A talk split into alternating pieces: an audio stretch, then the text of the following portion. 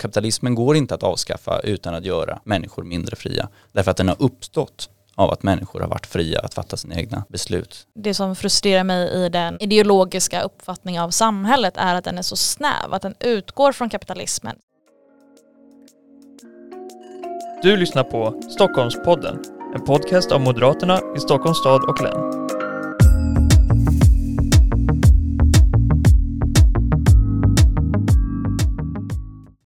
Hej och välkomna till den här veckans väldigt speciella avsnitt av Stockholmpodden.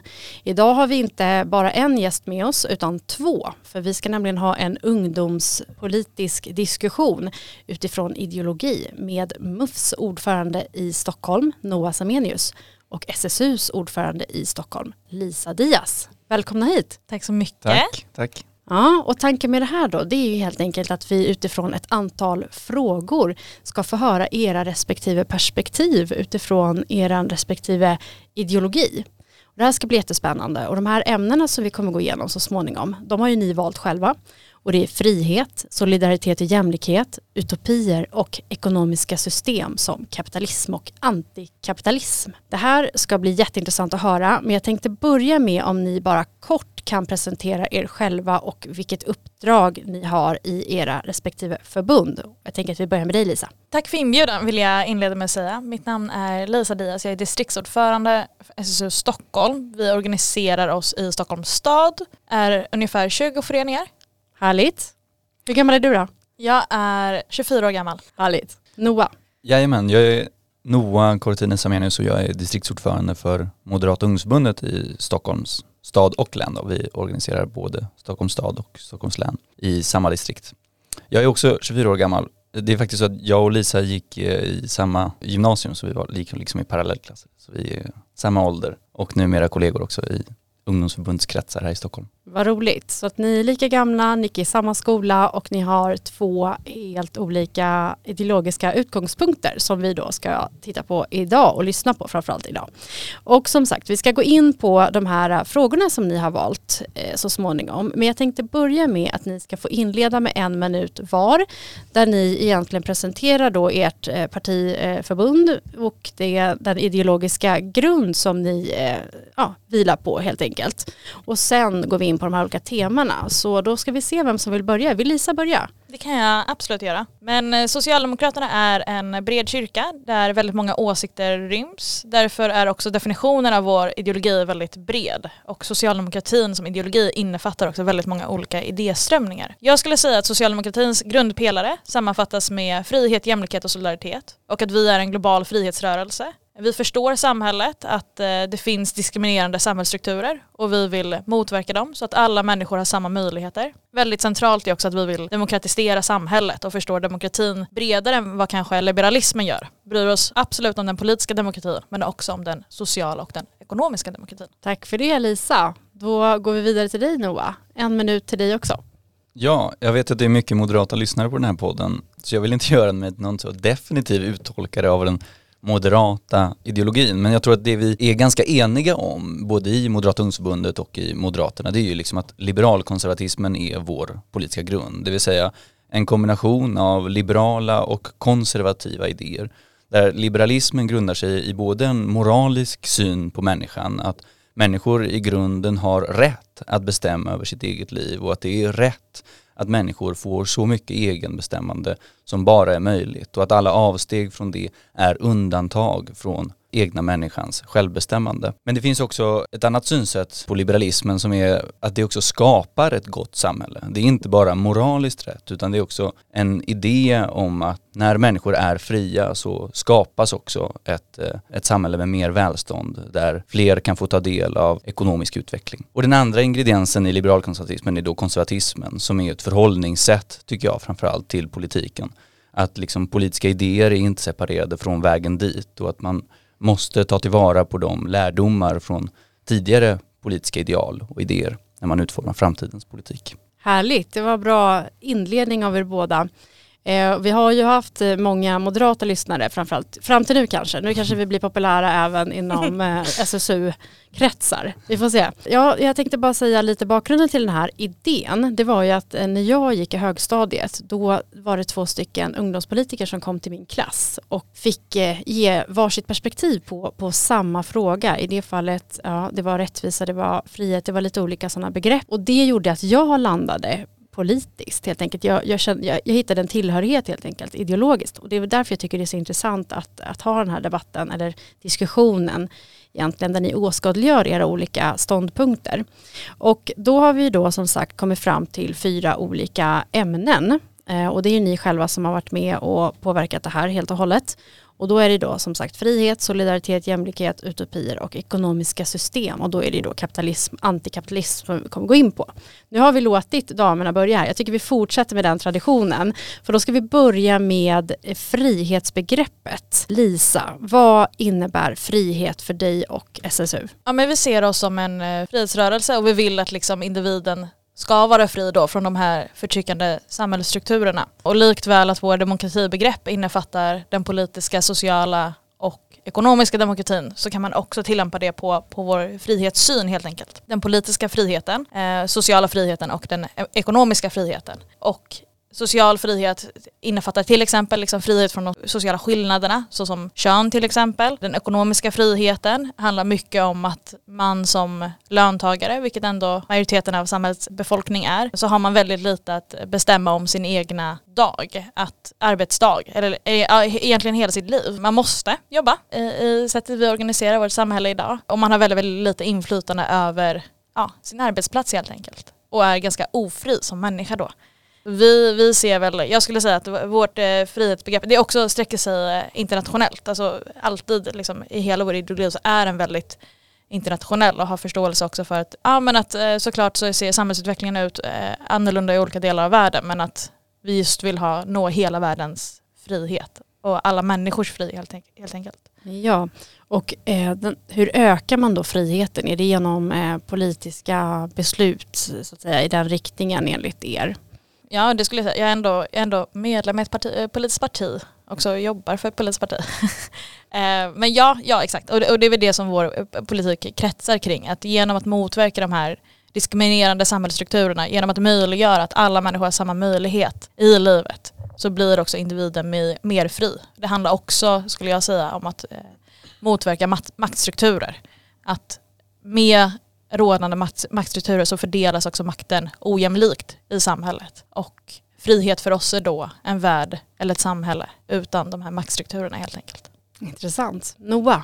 Ja, jag tycker det är jätteintressant att diskutera frihet därför att det är ju, tycker jag, det begrepp som vi slänger oss med allra bäst och mest i Moderaterna. Och eh, det är ju lätt att tala om det i en liksom dagspolitisk kontext om att vi ska öka människors frihet i vardagen och det är förvisso väldigt intressant men ur ett rent ideologiskt perspektiv så tycker jag det är också spännande att gå till liksom, grunden i varför det är just friheten som vi har valt som det begreppet som vi hela tiden förhåller oss till. Och jag tror att det egentligen handlar om ett så erkännande om att det är väl det som alla människor har gemensamt. Någon slags frihetssträvan och strävan efter att få bestämma över sitt eget liv liksom att, att förstå och, och kunna erkänna att den enda som med säkerhet kan veta vad en människa vill, det är den människan själv. Andra kan ha teorier och idéer och vi kan liksom på, i, från, från statens sida eller från organisationers sida så kan man ha idéer om vad människor vill men de enda som verkligen kan veta vad som är bäst för en person själv, det är den människan. Och det tror jag är det liksom på något sätt nästan, nästa blir nästan en, en politisk filosofisk utgångspunkt i det. Att, att det är liksom utgångspunkten till varför vi har valt frihetsbegreppet och varför det är så viktigt eh, i liberalkonservatismen och i Moderaterna. Men sen växer ju det till ett liksom större politiskt förhållningssätt. Även, även i de frågor där det inte direkt rör vad som är kanske djupt sittande moraliska frågor utan rätten att välja skola. Ja, det är därför att vi har landat i att friheten är ett eftersträvansvärt koncept. Och det, det som kanske skiljer vår frihetssyn då är att den är ju faktiskt väldigt centrerad kring den enskilda människan just av det skälet som jag nyss redogjorde för. Liksom. Att det handlar om att varje enskild människa måste kunna maximera sin egen frihet. Och det är bra för de personerna själva men det är också bra eh, för ett större samhällsbygge. Mm. Och vad säger du då om det som, som Lisa sa, att frihet är ju att vara fri från alla de här äh, maktstrukturerna. Och eh, om man då till exempel ja, ska välja skola och så kan alla inte välja samma skola, är det frihet? Jag tycker i och för sig att det är ett eh, väldigt eh, intressant sätt att eh, liksom, se på saker som som jag tror att man måste bära med sig. Det finns visst en frihetsaspekt i, i liksom normbyggen i samhället eller i, i liksom maktförhållanden. Eh, men där har jag nog en mer pragmatisk inställning egentligen. Jag frågar mig vad är det som faktiskt ger människor mer frihet över de sakerna? Jag tror att det är i princip omöjligt i många sammanhang att eh, genom någon slags eh, social ingenjörskonst eh, skapa någon slags artificiell frihet där. Utan oftare tror jag att problemet finns i, i stora statliga strukturer till exempel. Eh, där, man, där man bygger, till, men, säg till exempel segregationen, det, det upplever jag är ett, ett vanligt exempel som dyker upp i en sån här diskussion där är det verkligen frihet att, att människor bosätter sig i olika orter till exempel. Men det är ju till, till stor del en konsekvens av Eh, politisk social ingenjörskonst där man byggde många hyresrätter koncentrerat i områden till billiga priser. Det har skapat segregation. Jag tror att det är svårt eh, och, eh, och jag tycker historiskt att det nästan alltid har misslyckats när man vill på något vis skapa frihet genom att ta den ifrån människor. Lisa, har du en invändning där? Ja det har jag. Och det är, jag upplever att Noah beskriver liksom människan som autonom. Att man, man ser individen som en atom och, och, inte förstår att vi alla är en del av samma samhälle och att vare sig man vill eller inte att vad, vad vi gör eh, påverkar varandra. Och, och jag tycker också, det, det, skulle jag vilja påstå kanske är socialdemokratins styrka, just det här med samhällsstrukturerna. Att, att individen jag ser individen, man kan liksom aldrig, man kan inte ta, ta ifrån individen som en atom från samhällsstrukturer. Om vi tar det här med skola som exempel, att såklart vilka, vilken bakgrund dina föräldrar har eller vart du bor, att det påverkar vad du har för möjlighet i livet. Och då är det politikens roll att utjämna skillnaderna så att alla ska ha möjlighet, alla barn ska ha samma möjligheter att liksom förverkliga sig själva. Ska man utjämna de möjligheterna även om det innebär att barnen får det sämre? Nej, alla, alla ska ha det bra. Alltså det, är min, det är min utgångspunkt. Men väldigt central i vår samhällsanalys är ju klassbegreppet. Om vi tar skolan som exempel så är det liksom genom, genomsyrande. Så. Men vi har haft världens mest jämlika skola. Där alla oavsett bakgrund, akademisk bakgrund eller föräldrars plånbok eller har haft samma möjligheter. Och det tycker jag är politikens roll och det tycker inte jag heller sker på bekostnad av någon annan. Utan alla ska ha en bra skola, det ska inte finnas en bra och dålig skola. Mm. får jag återkomma till den här äh, atomfrågan då som äh, Lisa tog upp? För jag tror faktiskt att det ligger någonting i det. Det är ju en grundläggande del av en moderat syn på, på människan och på friheten. Att, att det i grund och botten handlar om enskilda människor. Därför att det är så världen ser ut. Det, världen består inte av någonting annat. Vårt samhälle består inte av någonting annat än någon slags summa av eh, alla människors enskilda insatser. Och jag visst, liksom i kombination med varandra och i ett socialt samspel i, genom organisationer eller stater eller liksom företag, föreningar, familjer så skapas andra värden eh, gemensamt men i grund och botten så är vi alla bara människor och enskilda individer. Och jag, jag inser ju såklart att man måste göra avsteg, alltså hela, hela stadsbygget, det faktum att vi har ett eh, rättsväsende, eh, polisen, eh, militär, allt är ju avsteg, det är ju ett, ett skattesystem allt är ju avsteg från den enskilda människans autonomi. Liksom. Det, det, måste göras avsteg därför att det är effektivt och för att det krävs för att försvara de friheter och, och de, den demokrati som vi behöver. Men min uppfattning är ändå att det handlar, det vi diskuterar framförallt är ju en politisk utgångspunkt. Och vad är det, om den politiska utgångspunkten ständigt är kollektivet så tror jag att man tenderar att glömma individen och att det ibland då blir att man offrar individer liksom i, i praktiken då för någon slags kollektivt ideal Eh, som, som glömmer bort då vad, vad det är egentligen det kollektivet består av. Men så, så därför tror jag att det är viktigt att eh, ibland också tänka på atomerna. Ja, jag tänker avslutningsvis nu pratar om, om frihet, men kan, kan olika friheter då kanske oundvikligen krocka med varandra? Jag tänker eh, som du nämnde Lisa, med eh, att man vill vara fri eh, och kunna bestämma kanske över sin arbetsdag eller så. Medan man är ju en, i en struktur där på ett företag till exempel och samtidigt så är då den här personen som har startat företaget är ju, ja den vill ju leva så fritt som möjligt eller näringsfritt som möjligt eh, för att den ska kunna skapa sin organisation och få den att växa och så. Hur ser ni på det? Jag tror svaret är ja. Alltså att, att, eh, det är, att eh, atomjämförelsen, liksom att man kokar ner det till en individ liksom utan ett sammanhang, att det krockar såklart med, med min bild av att man kan inte bara vara en enskild individ utan att se det i en samhällskontext. Så.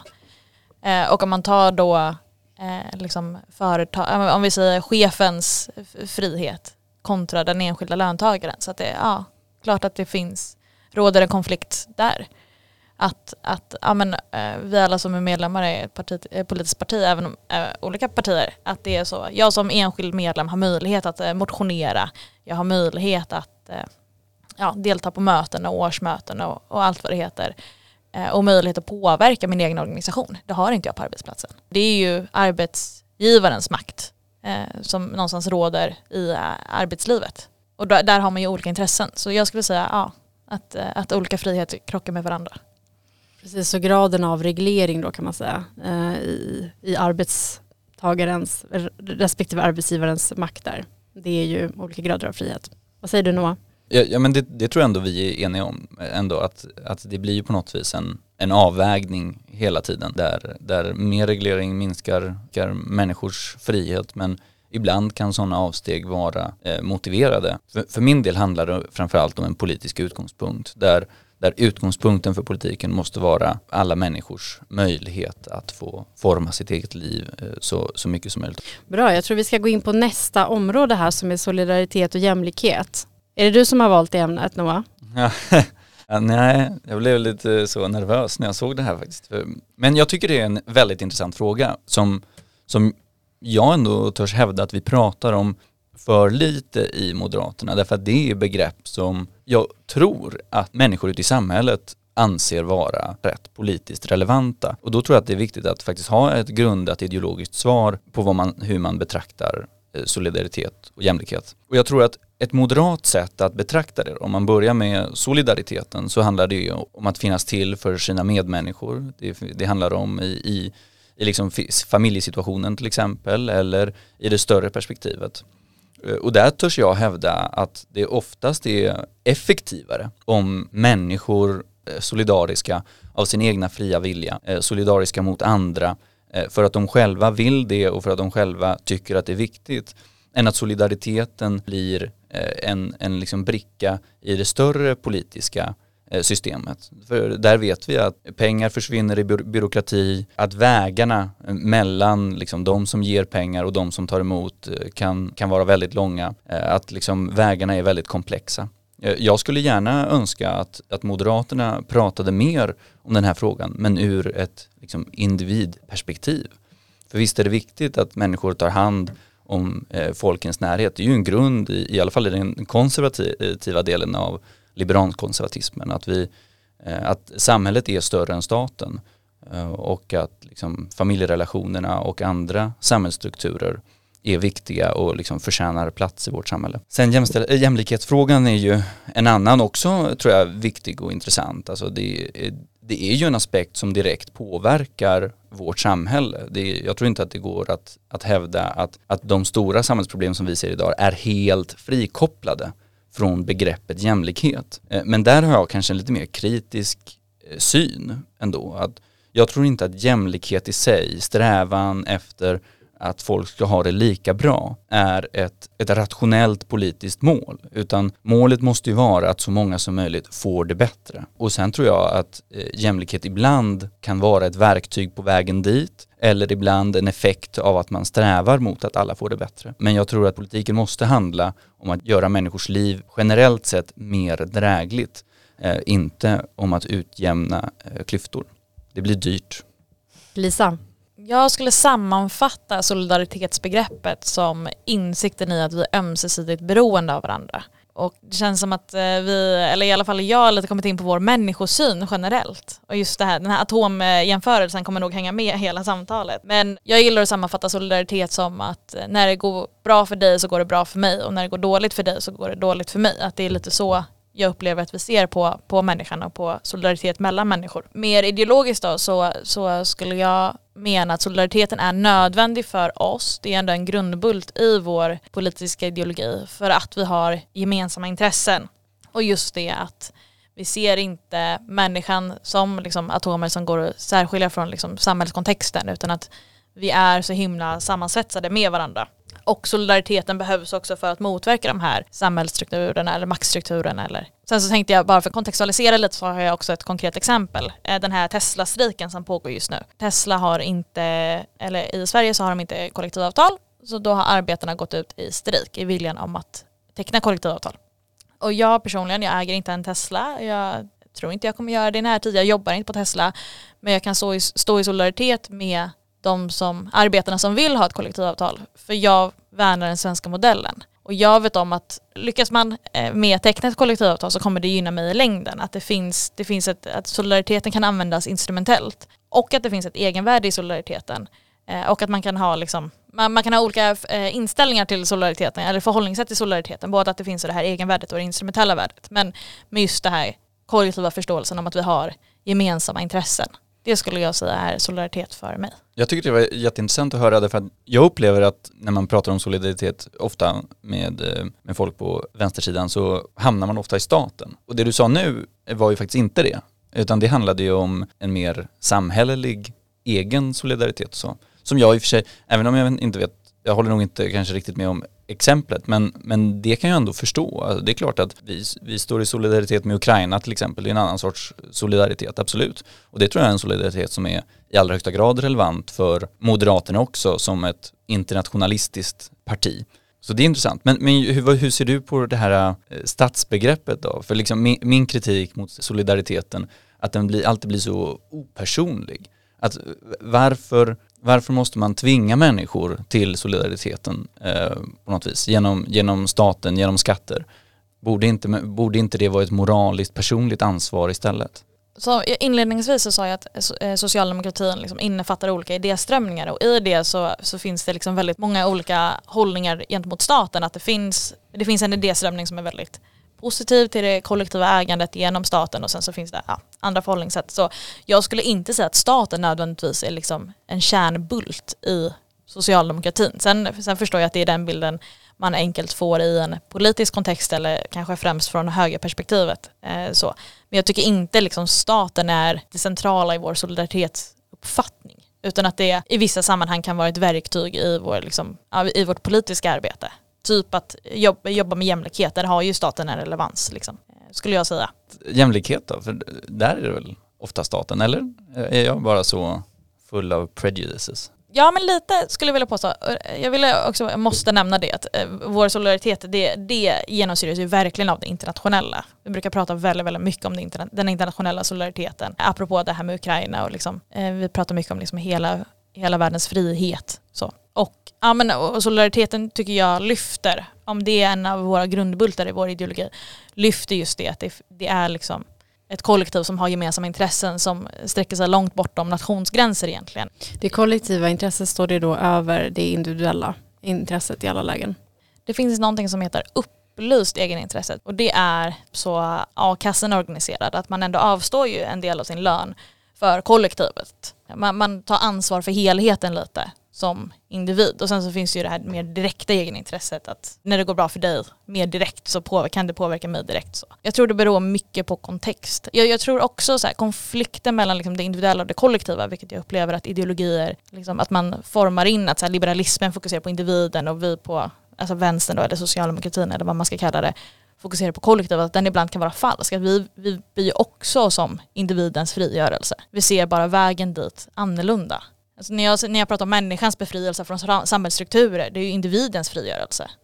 Mm. Mm. Nu sa du inte en sak som jag trodde att du skulle säga. Eller jag trodde att du skulle prata mer eh, jämlikhet och liksom jämlikhetens eh, egenvärde på något vis. Och då skulle jag säga en sak som jag ändå tänker säga nu. Och det, det handlar om synen på jämlikhet. Därför att jag tycker det finns ofta en, en diskussion om att världen är så oerhört ojämlik och att vi har liksom åstadkommit ett, ett, eh, samhälle som är ojämlikt och jag håller inte alls med. Att det ofta beskylls till exempel kapitalismen för ojämlikhet till exempel. Men jag skulle vilja hävda att jämlikheten är större än någonsin i det moderna kapitalistiska samhället. Eh, ur det perspektivet att liksom, eh, och det här, här är hämtat från Johan Norberg då ska jag säga, men ur perspektivet att Jeff Bezos i princip kan ha samma mobiltelefon som vi som sitter i det här rummet. Att han har nog också eh, en av de senare iPhone-modellerna till exempel. Att skillnaden i de dojor som eh, Bill Gates har på sig och de skor som en person som är arbetslös i Stockholms ytterstad har på sig,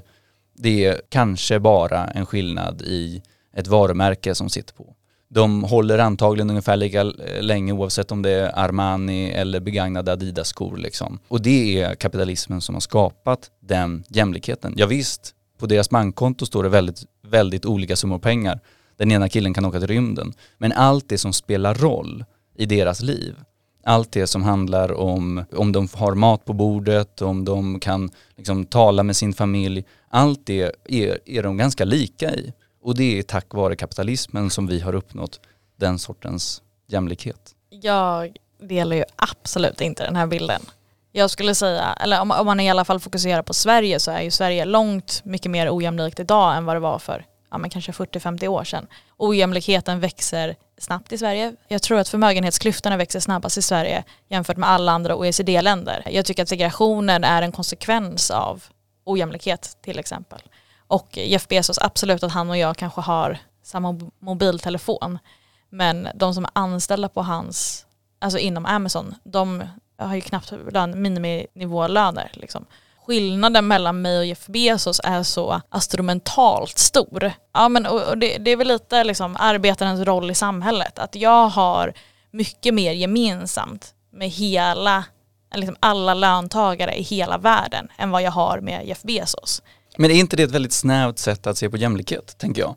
Att då, då fastnar man ju i eh, hur mycket pengar man har och om man kan sitta på en privatjet eller inte.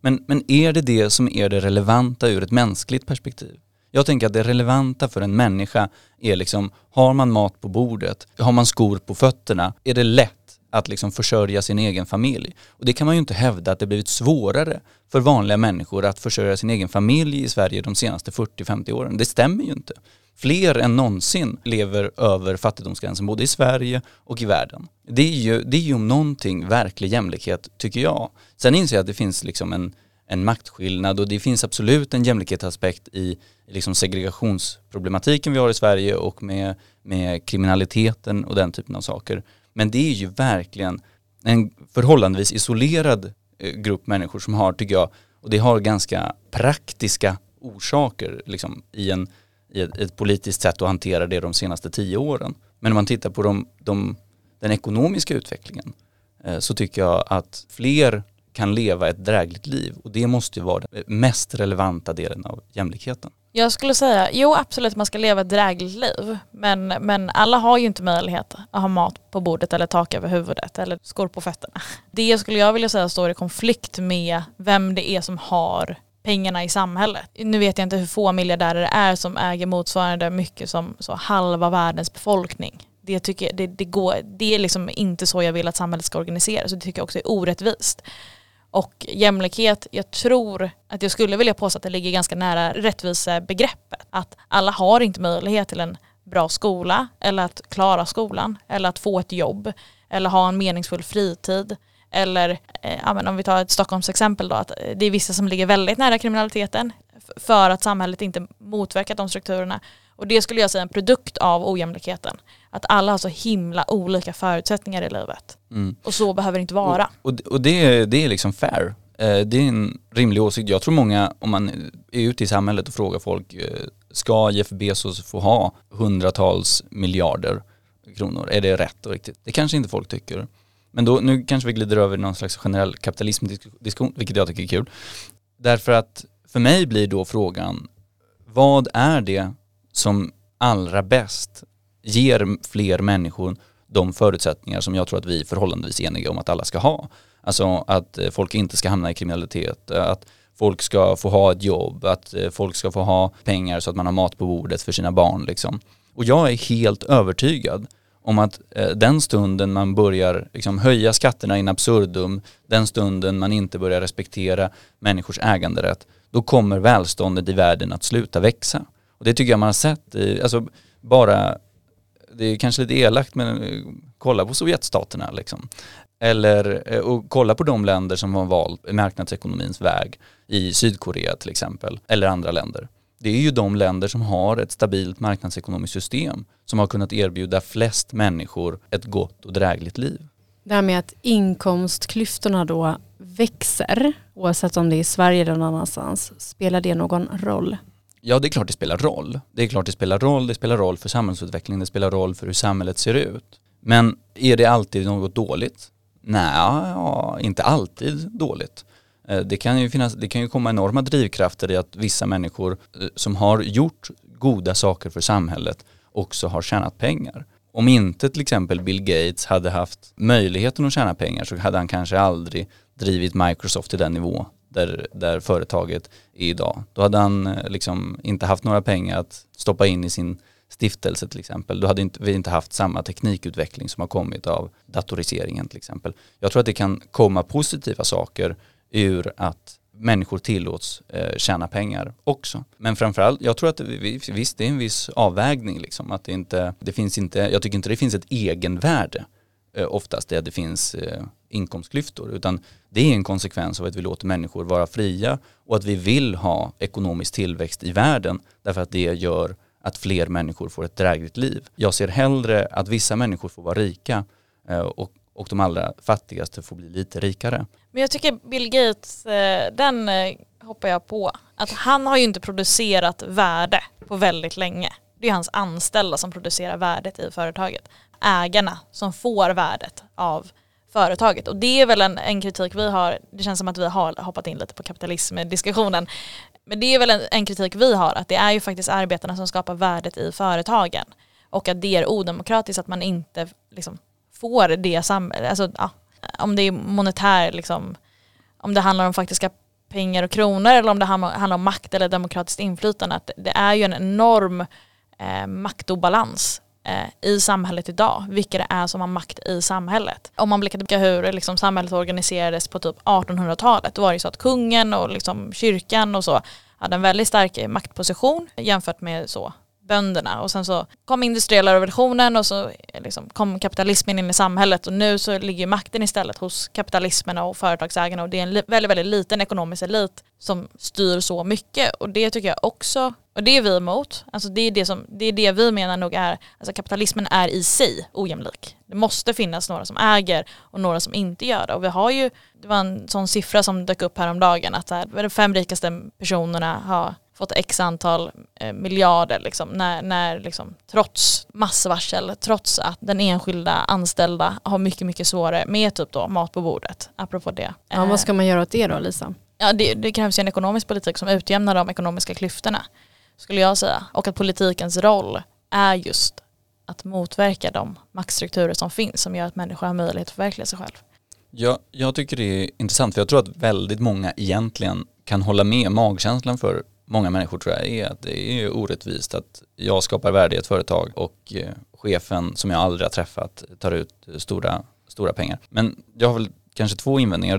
Den ena är att det, jag tror att det är lätt att underskatta alltså betydelsen av att människor tar risker med sina egna pengar och startar företag, eh, vågar driva företag. De allra flesta företag som startas går faktiskt i konkurs. Det är människor som har stoppat in sina privat, eh, privata pengar Eh, för att de har en idé. Om det är så att de allra flesta går i konkurs, då måste det också finnas en belöning för de som lyckas. De som lyckas skapa någon slags värde. De som ger människor möjlighet att faktiskt få ett jobb och få en arbetsplats och få en lön. Det måste komma någon eh, belöning utav det tror jag. Det är väl den ena kanske invändningen. Den andra är ju ehm, hur det här har uppstått. Det vill säga, det var ingen som planerade att samhället och företag skulle se ut på det här sättet. Liksom kapitalismen som den ser ut idag, marknadsekonomin som den, de, den ser ut idag med företag etc den har ju uppstått spontant. Därför att människor varit fria att använda sina pengar som de vill. Därför att människor varit fria att sluta avtal som de vill. Som anställda eller som företagare eller som personer som handlar med varandra. Så det enda sättet att avskaffa det här systemet eller att förändra det är att minska människors frihet. Och då tror jag att vi kommer få ett liksom, jag tycker det säger sig självt att det blir mindre effektivt och att människor generellt sett blir mindre fria. Alltså kapitalismen går inte att avskaffa utan att göra människor mindre fria. Därför att den har uppstått av att människor har varit fria att fatta sina egna beslut. Men eh, för, för eh, jag undrar, eller du säger att man ska jämna ut skillnaderna. Har du liksom ett alternativt system eller handlar det bara om att så höja inkomstskatten för de som tjänar mest till exempel? Nej men jag skulle säga, min, min bild av liberaler i alla fall, att så här, det som frustrerar mig i den eh, ideologiska uppfattningen av samhället är att den är så snäv, att den utgår från kapitalismen. Så här, det har ju funnits olika sätt att organisera samhället innan kapitalismen och jag menar då att det här kanske inte funkar jättebra och att det finns någonting efter kapitalismen, det vill säga min utopi. och det, det fin min kritik mot kapitalismen är att den bygger på att det finns ojämlikhet, att den drivs av liksom egentligen att utvidga liksom förmögenhetsklyftor.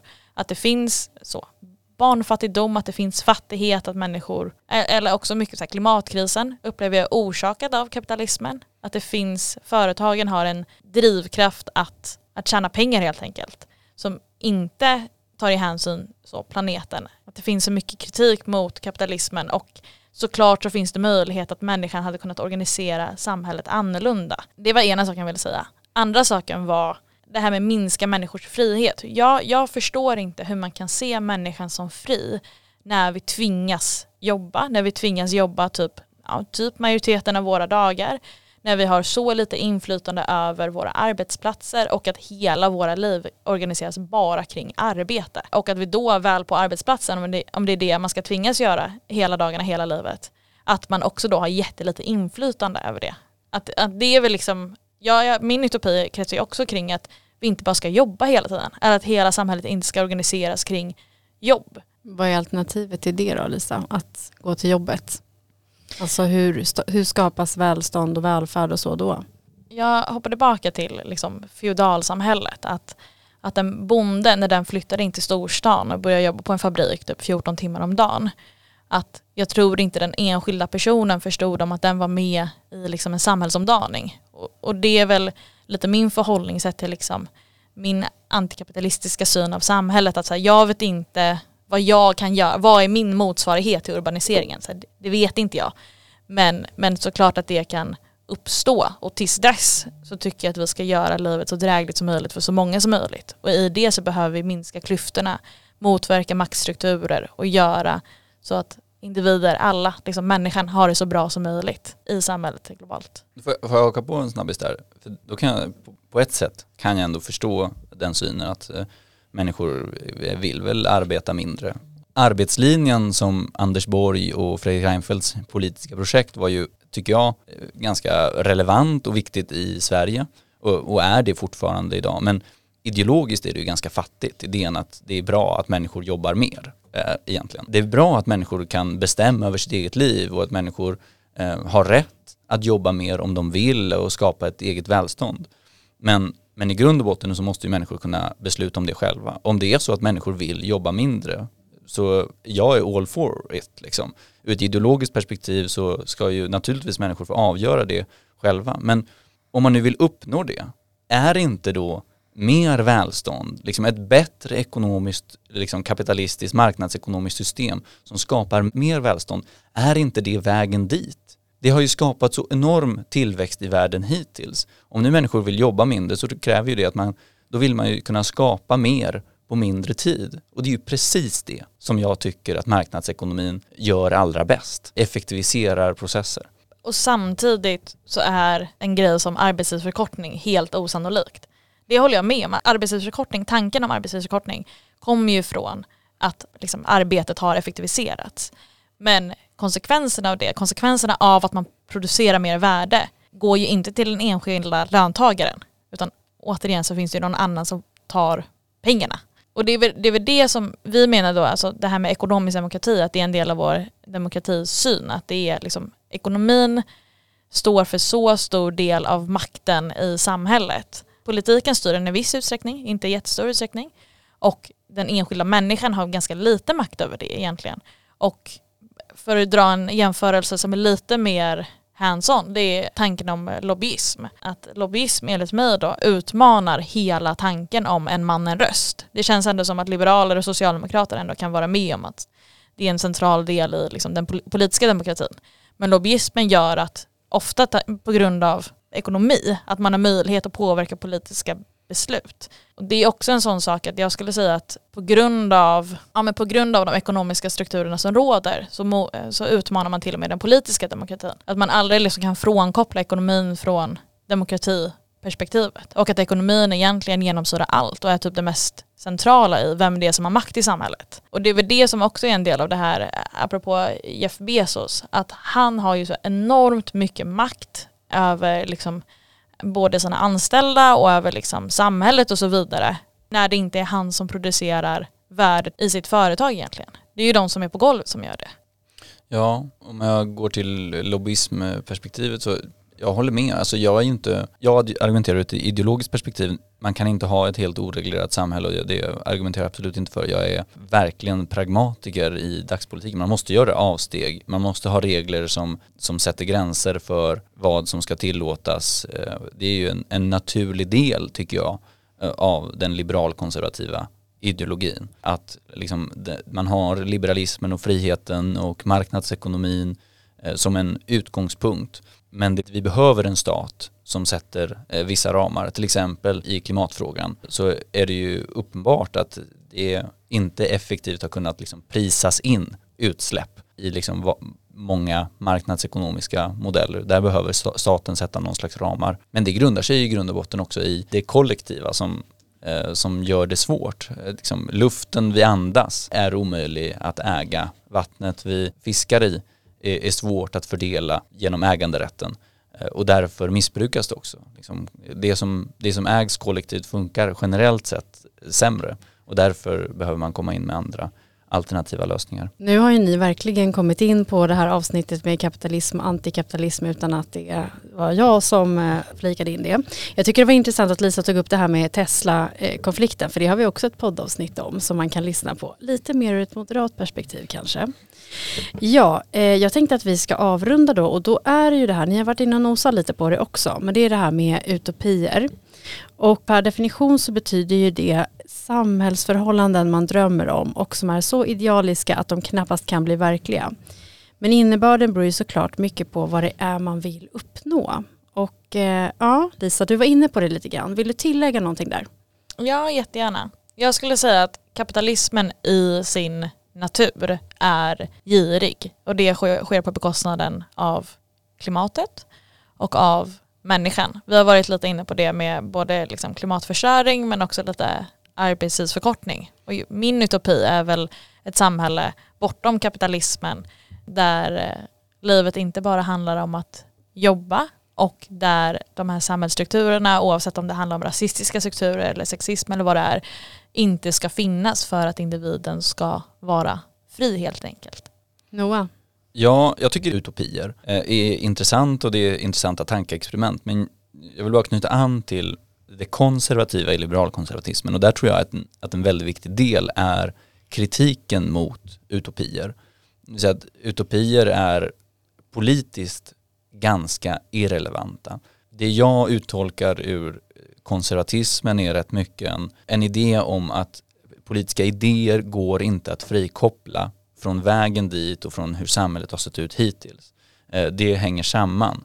Hur vi tar oss dit och vilka liksom erfarenheter som vårt samhälle bär med sig. Eh, det går inte att eh, hitta på en idé om hur samhället ska vara och med politiska medel skapa det ur tomma intet utan vi finns i en större kontext och där vi gör bäst i att respektera samhället som det har utvecklat sig och dra lärdomar av det som fungerar i samhället idag. Vill man uppnå en utopi så behövs generellt, om man inte är väldigt tråkig och ens utopi är ungefär som samhället ser ut idag så behövs i princip en revolution och jag tror inte att revolutioner generellt, eh, speciellt inte av demokratiska fria samhällen eh, är särskilt kloka utan att eh, det är bättre att förändra samhället inkrementellt. Med det sagt så är ju utopier intressanta att diskutera därför att de är intressanta tankeexperiment. Och det är intressant att prata om så, vad är, vad är det som är det allra viktigaste? Det är ett sätt att, eh, att identifiera sina egna ideal. Som, nej men jag, i, i, I min utopi så, så, han, så är människor så fria som möjligt. Det är det som, helt enkelt därför att det är det högsta idealet om människor när de är så fria som möjligt, oavsett vilken syn på frihet man har, den, min väldigt individualistiska syn på frihet eller en mer kollektivistisk syn på frihet, så, så, så, så, kan man ändå betrakta det på samma sätt. Om människor ska vara så fria som möjligt och då i, i det idealet, om, om folk väljer att organisera sig enligt ett marknadsekonomiskt system eller på något annat sätt, det spelar mindre roll därför att människor är så fria som möjligt. Nu är vi i Sverige och Västeuropa väldigt fria. Och när människor är väldigt fria så har folk valt att organisera sig enligt ett marknadsekonomiskt system. Därför att det är det som kommer naturligt när människor vill handla med varandra och eh, liksom skapa värde gemensamt. Så ur det perspektivet så tycker jag det liksom, när jag tänker på min eh, utopi, ja, den fria utopin, ja då är det en bekräftelse för att jag tror att vi är på rätt väg när vi lever i ett marknadsekonomiskt samhälle. Tusen tack för det och eh, jag tror att vi ska avrunda det här otroligt intressanta samtalet som har gått ifrån eh, allt ifrån frihet, det har varit solidaritet, jämlikhet, utopier och kapitalism och antikapitalism. Jätteintressanta inspel från er. Tanken med det här var ju inte att någon skulle vinna en debatt eller en eh, diskussion på något sätt utan eh, tanken med det här är ju att eh, våra lyssnare ska få upp ögonen för, för olika perspektiv på samma frågor och förhoppningsvis få unga människor att landa in i en eh, politisk ideologi eller till och med i ett politiskt parti så småningom. Tusen tack för att ni var här båda två och varmt välkomna tillbaka en annan gång. Stort tack för inbjudan. Ja, tack så jättemycket. Det var jättekul. Tack för att ni har lyssnat. Glöm inte att prenumerera på podden för att inte missa när nya avsnitt släpps. Om du vill komma i kontakt med oss och tipsa om något du vill höra i podden så kan du mejla oss på stockholm.moderaterna.se.